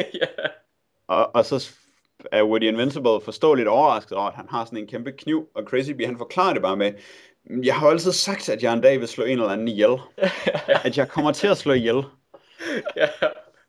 Det er rigtigt. Og så hans kniv, det er ikke, det er ikke sådan en, en Rambo-kniv eller sådan noget, det er sådan en, sådan en steak-kniv, som man skærer stegen for med. Som han altid har i sit sok. Han er virkelig klar til at bruge den, da de tidligt i filmen skal røve Rolls, som øh, har en ven, der hedder Jelly. Jelly Ja. Rolls. Øh, så er han bare klar til at hugge hende lige i hovedet med sin kæmpe kniv. Og Ja. det er kun fordi Woody Invincible, han griber ind, at han ikke kommer til at slå ihjel der. ja, det er rigtigt. Og han har også en utrolig rørende scene, da han er blevet bidt af en zombie og er ved at dø. Øh, og Og ja, Woody og Rolls, de prøver at trøste ham, hvor han skal have dem til at tage et billede af ham til hans begravelse med hans Gameboy-kamera. ja, det er meget, øh, det er meget rørende. Og det skal, det skal altså lige, det skal lige beskrives, det der Gameboy-kamera. Det ser simpelthen så utrolig sejt ud. Men det er altså bare en, en normal Gameboy, der har sådan en, En normal ligner- Gameboy er stor, skal det siges. ja, Ja, okay, ja. ja. en stor, rimelig stor, gammel, mærkelig Gameboy, øhm, med sådan noget, der ligner et webkamera, der sådan er sat på øh, Sådan en toppen. Logitech et. Ja, så man går rundt med og tager noget, man må gå ud fra af rigtig, rigtig grimme billeder med. Ja. Ja, det, det er, Men han har sådan nogle, han har sådan nogle øjeblikke af et nærmest filosofisk klarsyn, Crazy Bee, synes jeg. For eksempel det der med, at han sidder og er blevet bidt af zombie og er ved at dø og skal bide sig zombie, og alligevel så kan han forklare dem, at selvom de gerne sådan vil uh, tage billeder sammen med ham for at vise deres støtte, at så er de nødt til at tage billedet af ham alene, fordi det vil være mest passende til begravelsen. ja, ja, det er rigtigt. Og så det der med, at han ved, at han kommer til at slå nogen ihjel en dag. Han er sådan lidt, øh, hvad hedder det, sådan en village idiot, der samtidig er sådan en, øh, et orakel. Han er lidt Mm. orakelagtig. Ja, Ja, ja det er det, og han får nemlig noget dybde gennem de der få episoder, hvor han, Ja. øh, hvor han gør noget, der overrasker en. I stedet for bare at være Keanu Reeves dum. ja, det er rigtigt. Altså, ja, for hvis han var det hele tiden, så ville man ikke holde af ham. Men han afviger nok fra den, fra den stereotype til, at man, man, man egentlig meget godt kan lide ham. Ja, det synes jeg også. Man kan bedre lide ham, end man kan lide, øh, man kan lide Woody Invincible. Ja, det er rigtigt. Ej, jeg, jeg kunne også godt lide Woody, vil jeg sige. Okay. Men er det ikke mest på grund af, af den meget, meget fine bromance, der er med Woody Invincible og Crazy Bee?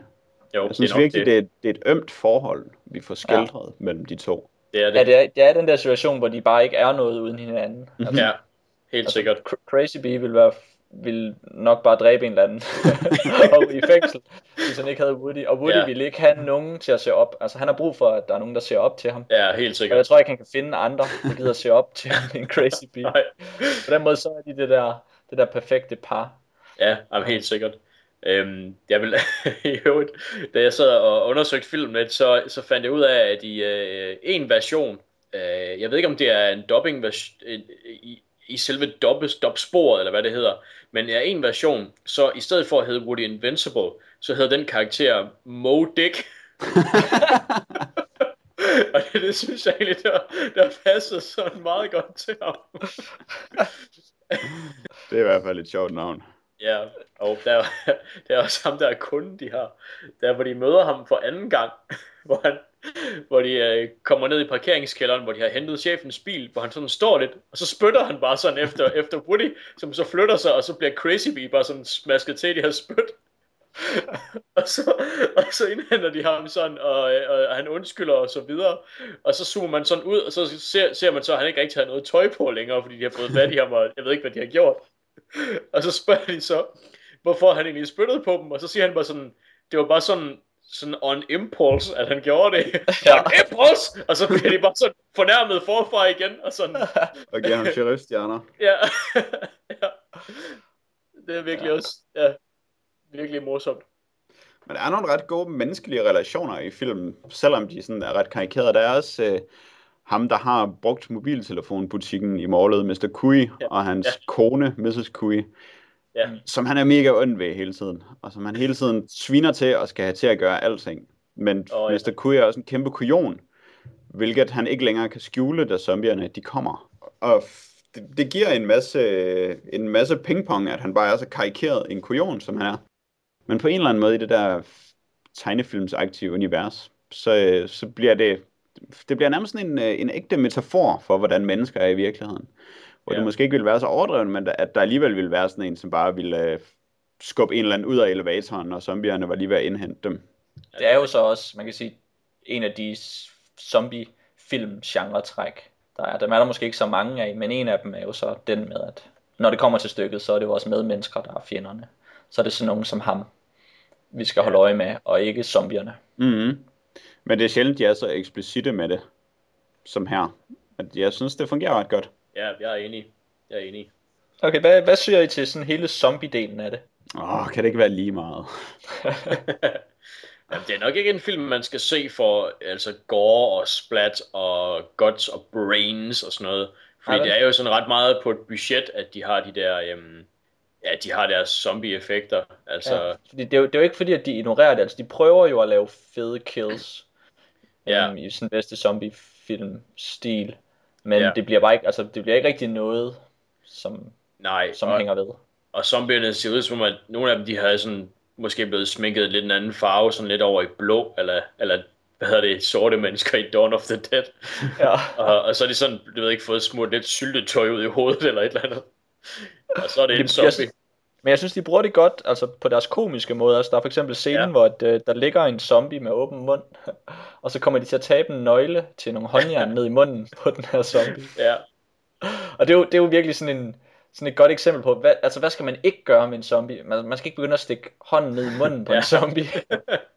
og hvad sker der? De kommer selvfølgelig i den situation, at de bliver nødt til at stikke hånden ned i munden på zombien Ja. for at få fat i nøglen og sådan noget. Og det er jo, altså det er jo der, hvor de, hvor de får deres, deres fysiske komedie øhm, sat i scene, og det, det er nok de scener, som de er bedre til at lave, end zombier, der får smadret hovederne, og, og den der zombie-action. Men Ja. ja. nogle gange så er deres intentioner med de scener bare så gode, at man ikke kan lade være med at holde af dem. For eksempel der, hvor der er en zombie, der vælter ned over Woody Invincible, mens han ligger med en boremaskine, som der ikke er noget batteri i. Og så lander den sådan med munden ned over hans boremaskine, men der er ikke batteri i, så han kan ikke gøre noget. Men heldigvis så har Crazy Bee batteriet til boremaskinen, og så laver han sådan et fedt øh, slide hen over gulvet, hvor han sådan glider hen, og så lige slår batteriet i boremaskinen på vej forbi Woody Invincible. Og så bliver zombien brudt i hovedet. Og det, det er så god en idé, og de gør så Mm, så meget, øh, de gør så så meget umage med den scene. De kan så godt Ja. ja. lide den, at man ikke selv kan lade være med at holde af den. Jamen det, det mindede mig faktisk Ja. om noget, der ville, der ville ske i Spaced tv-serien, frem for noget, der ville ske i en zombiefilm. Altså det har den her, Ja, ja, ja. Øh, ja næsten, altså det virker næsten som en parodi på en zombiefilm. Ja, jamen det, jeg kan godt se, hvad du mener. Altså, det er sådan meget over the top, og jeg ved ikke måske, om der er en eller anden sådan Hong Kong action indflydelse på det også. Men øhm, i hvert fald så er det ikke, ikke den mere realistiske zombie-stil, som man måske er, eller realistisk og zombie, det ved jeg ikke, om, der er, man kan sige samme åndedrag, men det er nok ikke så meget det, man, man forventer i en zombie-film, at der sker sådan et øh, crazy boremaskine bromance kill. Nej. Men, øh, og så har den også et greb, som jeg ved, at i hvert fald både Peder og jeg er meget glade for, nemlig det der med bare at kaste en spand med blod, når nogen skal bløde. yeah! På et tidspunkt, hvor der er en fyr, der bliver trukket ind under en bil, og så filmer man sådan bilen oppefra, og så bliver han trukket ind og skriger, og så lige pludselig så kommer der bare sådan en spand af blod kastet ud under bilen. det er rigtigt. Det er også fedt. Det er ikke så mange film, der gør det, men dem, der gør det, de, de gør det godt. Det er en venner Ja. ja. hver gang. Hvorfor pakke det ind? Man ved jo godt, at man bare har en spand blod, og man skal bruge den til noget. Ja, så hvorfor ikke bare fyre den af? Ja. Ja, jeg vil sige, kombinationen af de der engelske stemmer, og så selve filmen er en meget, øh, det er en meget, meget sympatisk cocktail af ting, man får. Selvom jeg ikke, altså man kan jo ikke lide komedier, og man kan slet ikke lide zombie-komedier. Men Mm. mm. den her, den gør altså bare en masse skøre ting på nogle skøre måder. Ja, ja den, er, den er ligesom noget specielt. Den er et eller andet mærkeligt.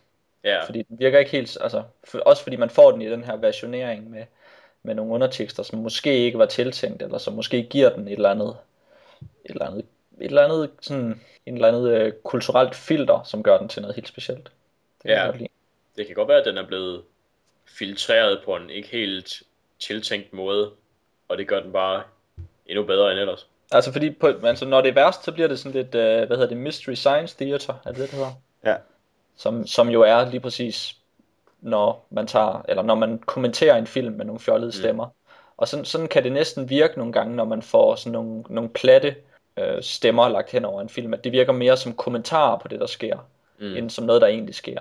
Um, når det er sådan rigtig dårlig Hong Kong action med, med, med, med amerikanske stemmer, og det skal, eller spaghetti westerns med amerikanske stemmer, og så der er nogen, der skal lyde dumme, og så får de dem simpelthen til at lyde så fuldstændig snot dumme, at, at det bliver for meget, ikke? og at det, bliver, at det springer ud. Ja, Så den er, den er hele tiden farlig, synes jeg. Um, Og så er der jo øh, det romantiske, som jo faktisk også fylder en del i filmen. Altså, altså både mellem øh, manden og konen, der ejer øh, brugt mobiltelefonen, og der er Sushi Boys øh, romantiske forhold til, øh, hvad hed hun? til Rolls. Rolls. Ja, Rolls, ja. Øh, og så også Woody Invincibles forhold til Rolls, som jo så Det er rigtigt. Det er rigtigt nok. Den har også noget, noget romance i sig. Mm. Og hvad, hvad siger I til, er det en uh, Romeo og Julie slutning? Ja, det er jo lige før faktisk. Ja. Jeg havde, det havde jeg ikke engang tænkt på i, i den forbindelse, men øhm, ja, altså jeg var egentlig overrasket, altså, nu har jeg jo set det en gang for mange år siden, men jeg var egentlig overrasket over, at øhm, dengang, at, at slutningen var så øhm, dramatisk, som den er. Ja, Men jeg slutningen synes, er, og den er lidt et break for resten af filmen, selvom det Ja, er en. Romeo og Julie slutning. Så, det, så er det en meget øh, en fed slutning, som alligevel gør, at man sidder tilbage med noget andet, Ja. end, end man måske ville have forventet lige indtil den slutter. Ja, Ja, man kunne godt, altså jeg sad sådan lidt og tænkte, for jeg kunne ikke helt jeg kunne slet ikke huske slutningen, og så lægger den op til det, og så har jeg fornemmelsen, at der kommer sådan en eller anden, øh, øh, eller den der Bruce Lee scene, hvor han stormer ud af laden og bliver skudt ned. Øh, sådan en, øh, eller det er så ikke en lade, nu blander jeg vist, øh, Butch Cassidy og Bruce Lee. ja, nu putter jeg vist Robert Redford i Bruce Lees sko, men okay, det er så også parallelle scener, ikke? men sådan en scene, hvor, hvor de skulle løbe ud og dø, øhm, og så laver den så den her anden scene, hvor de, det bliver sådan en romantisk, følelsesladet afslutning. Og det ja. synes jeg var, sammenlignet med hvad jeg lige kunne finde på, jeg troede der ville ske, så synes jeg, det virkede rigtig godt. Det var bedre end noget, du fandt Ja. på. ja, og jeg lavede den her film, så havde jeg virkelig lavet den dårligt. Bedre end din fanfiction slutning. så den er også pretty awesome. ja, involverer jo både Harry Potter og Ja. All Cops, så jeg ved ikke hvad. Og en lion dragon.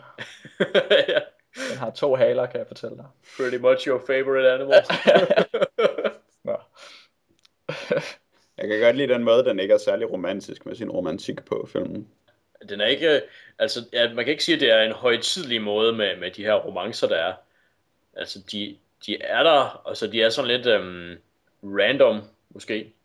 Ja, og i hvert fald sådan lidt twisted. Sushi Boys crush på Rolls er nok lidt, det er lidt klichéagtigt og lidt kedeligt. Så i det hele taget, så synes jeg, jeg er ikke så glad for Sushi Boy. Jeg synes ikke, han er så sjov, som han bliver gearet op til at være. Han fylder ret meget i nogle scener, og han er meget fjollet, og ikke, han mangler bare noget personlighed.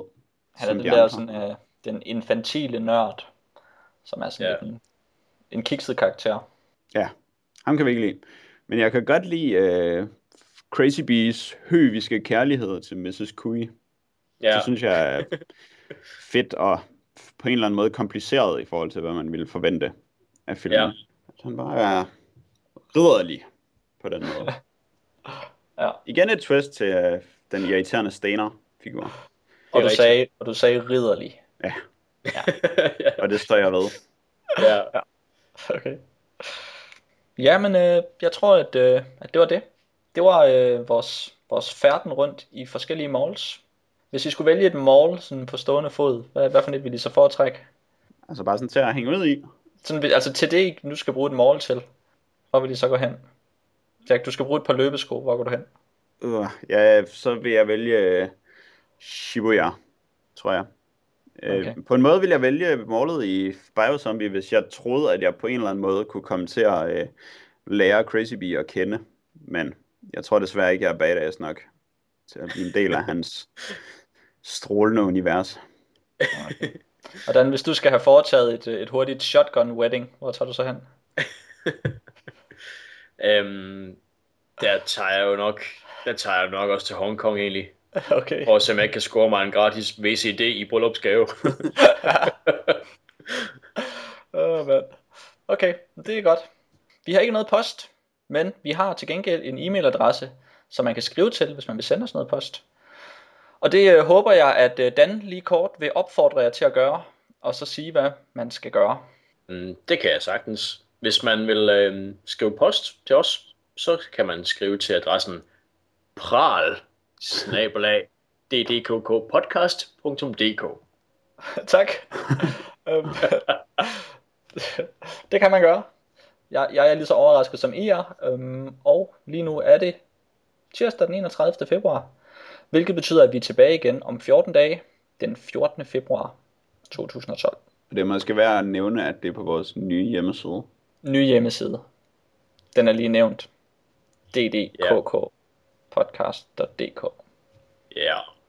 Hvor man også kan skrive kommentarer, Det kan man. hvis man vil. Forslag til teaterstykker og skuespil. ja, så øh, det var det. Farvel og tak.